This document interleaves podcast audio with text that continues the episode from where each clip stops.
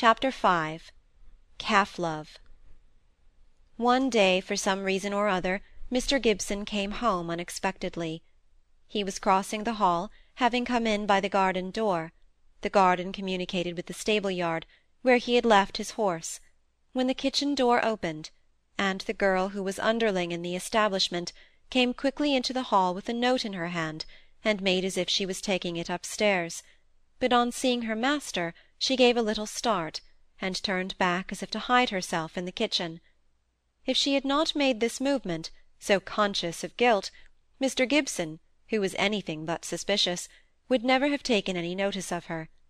As it was, he stepped quickly forwards, opened the kitchen door, and called out bethia so sharply that she could not delay coming forwards. Give me that note, he said. She hesitated a little. It's for Miss Molly, she stammered out. Give it to me, he repeated more quickly than before. She looked as if she would cry, but still she kept the note tight held behind her back. He said as I was to give it into her own hands, and a promised as I would, faithful. Cook, go and find Miss Molly. Tell her to come here at once. He fixed Bethia with his eyes. It was of no use trying to escape. She might have thrown it into the fire, but she had not presence of mind enough. She stood immovable; only her eyes looked any way rather than encounter her master's steady gaze. "Molly, my dear!" "Papa, I did not know you were at home," said innocent, wondering Molly. "Bethia, keep your word. Here is Miss Molly. Give her the note." "Indeed, miss, I couldn't help it." Molly took the note, but before she could open it her father said, "That's all, my dear.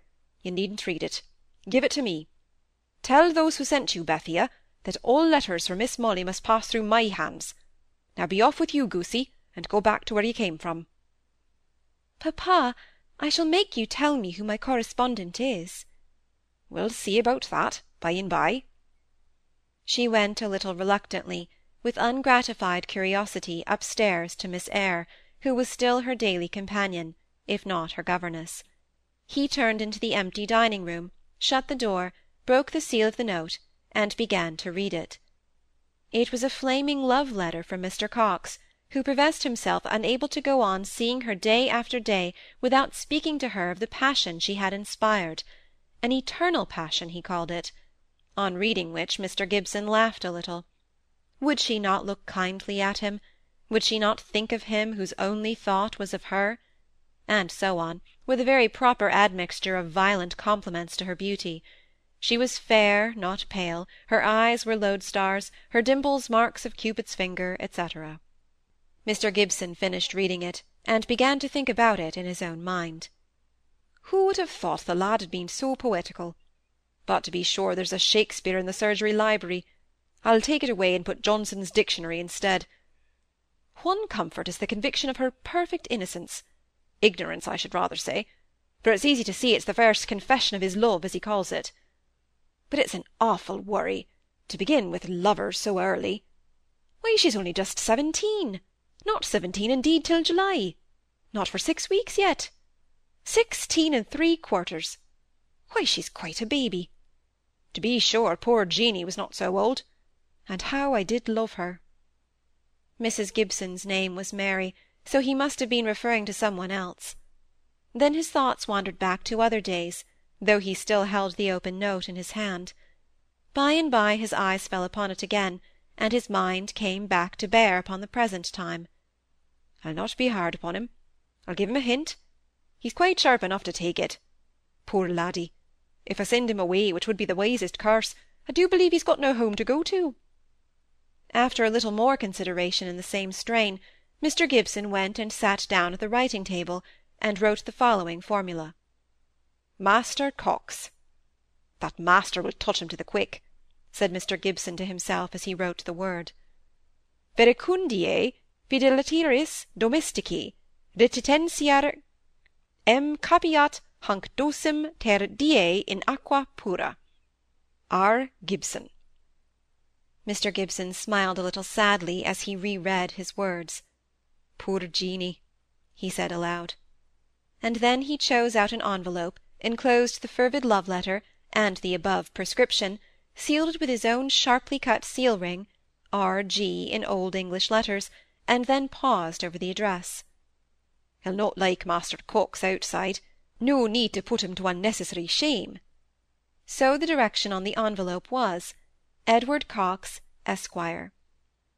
Then Mr. Gibson applied himself to the professional business which had brought him home so opportunely and unexpectedly, and afterwards he went back through the garden to the stables, and just as he had mounted his horse, he said to the stable-man, "Oh, by the way, here's a letter from Mr. Coxe. Don't send it through the women. Take it round yourself to the surgery door, and do it at once."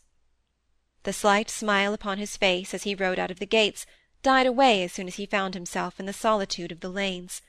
He slackened his speed and began to think. It was awkward, he considered, to have a motherless girl growing up into womanhood in the same house with two young men, even if she only met them at meal-times, and all the intercourse they had with each other was merely the utterance of such words as "May I help you to potatoes?"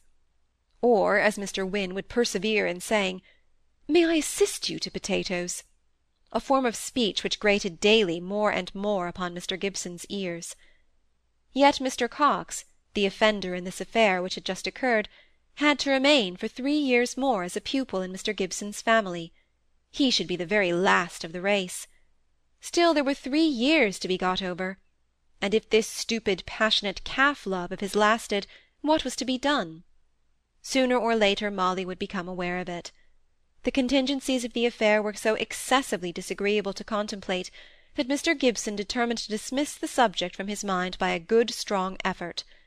He put his horse to a gallop, and found that the violent shaking over the lanes, paved as they were with round stones, which had been dislocated by the wear and tear of a hundred years, was the very best thing for the spirits, if not for the bones. He made a long round that afternoon, and came back to his home imagining that the worst was over, and that Mr. Coxe would have taken the hint conveyed in the prescription.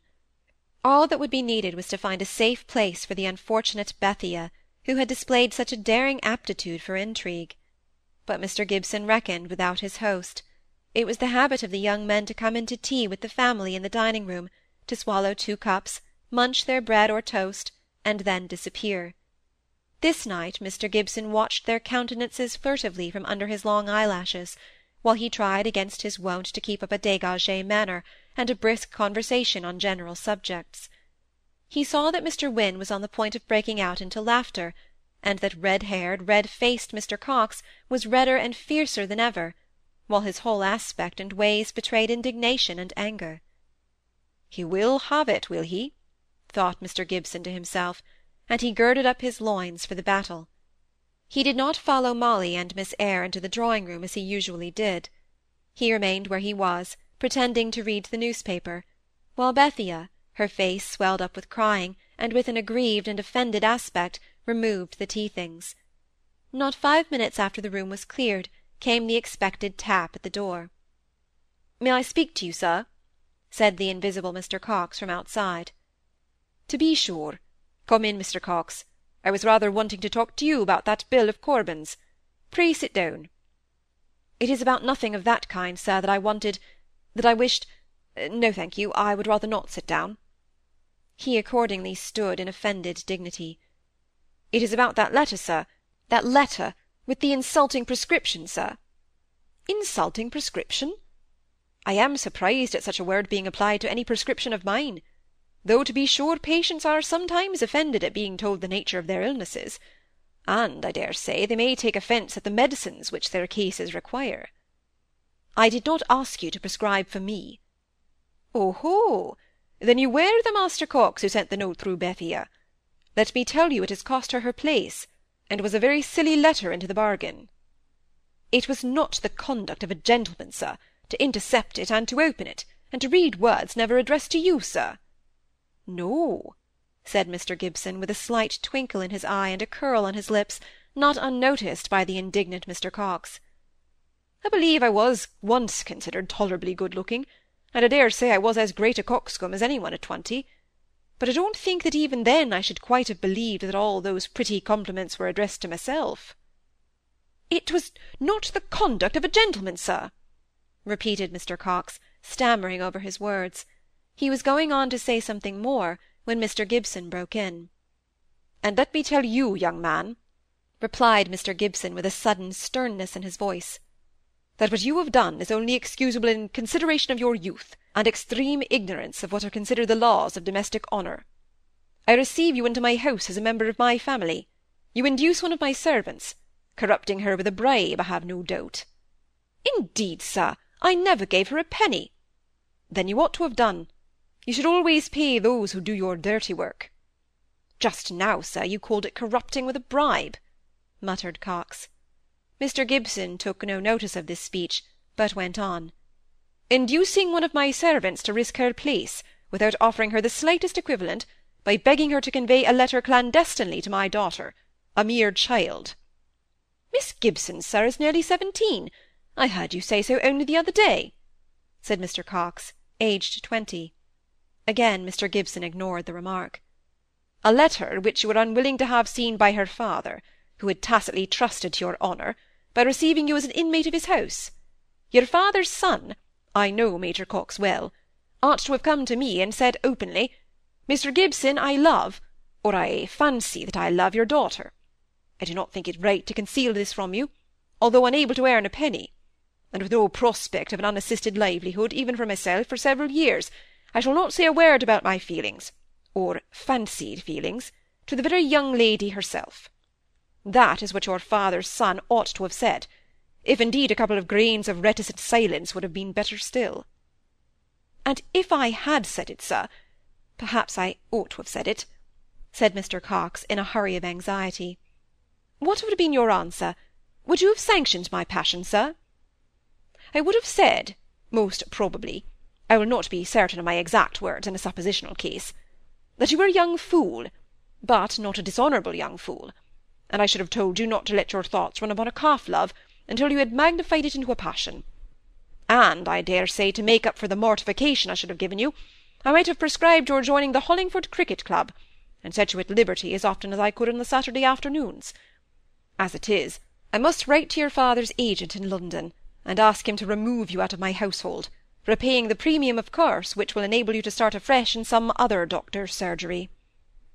It will so grieve my father, said Mr Coxe, startled into dismay, if not repentance.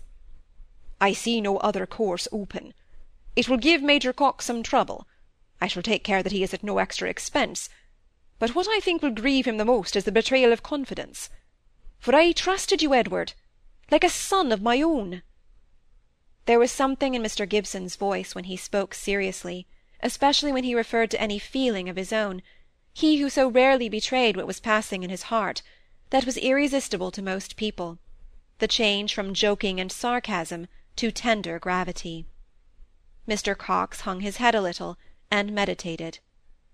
I do love Miss Gibson, said he at length. Who could help it? Mr Wynne, I hope, said Mr Gibson. His heart is pre-engaged, replied Mr Coxe. Mine was free as air till I saw her. Would it tend to cure your, well, passion, we'll say, if she wore blue spectacles at meal-times? I observe you dwell much on the beauty of her eyes. You are ridiculing my feelings, Mr Gibson. Do you forget that you yourself were young once? Poor Jeanie rose before Mr Gibson's eyes, and he felt a little rebuked. Come, Mr Coxe, let us see if we can't make a bargain, said he, after a minute or so of silence. You have done a really wrong thing, and I hope you are convinced of it in your heart, or that you will be when the heat of this discussion is over, and you come to think a little about it. But I won't lose all respect for your father's son. If you'll give me your word that as long as you remain a member of my family, pupil, apprentice, what you will, you won't again try to disclose your passion. You see I am careful to take your view of what I should call a mere fancy, by word or writing, looks or acts, in any manner whatever to my daughter, or to talk about your feelings to any one else. You shall remain here. If you cannot give me your word, I must follow out the curse I named, and write to your father's agent. Mr Coxe stood irresolute. Mr Wynne knows all I feel for Miss Gibson, sir. He and I have no secrets from each other. Well, I suppose he must represent the Reeds.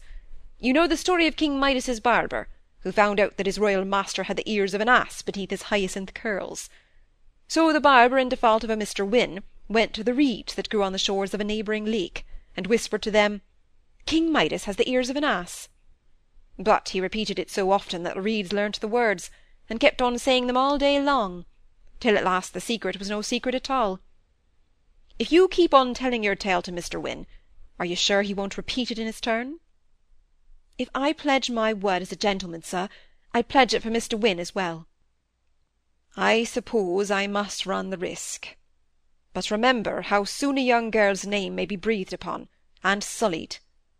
Molly has no mother, and for that very reason she ought to move among you all as unharmed as Una herself. Mr. Gibson, if you wish it, I'll swear it on the Bible, cried the excitable young man. Nonsense! As if your word, if it's worth anything, wasn't enough. We'll shake hands upon it, if you like. Mr. Coxe came eagerly forward, and almost squeezed Mr. Gibson's ring into his finger. As he was leaving the room, he said, a little uneasily, May I give Bethia a crown piece? No, indeed. Leave Bethia to me. I hope you won't say another word to her while she's here. I shall see that she gets a respectable place when she goes away.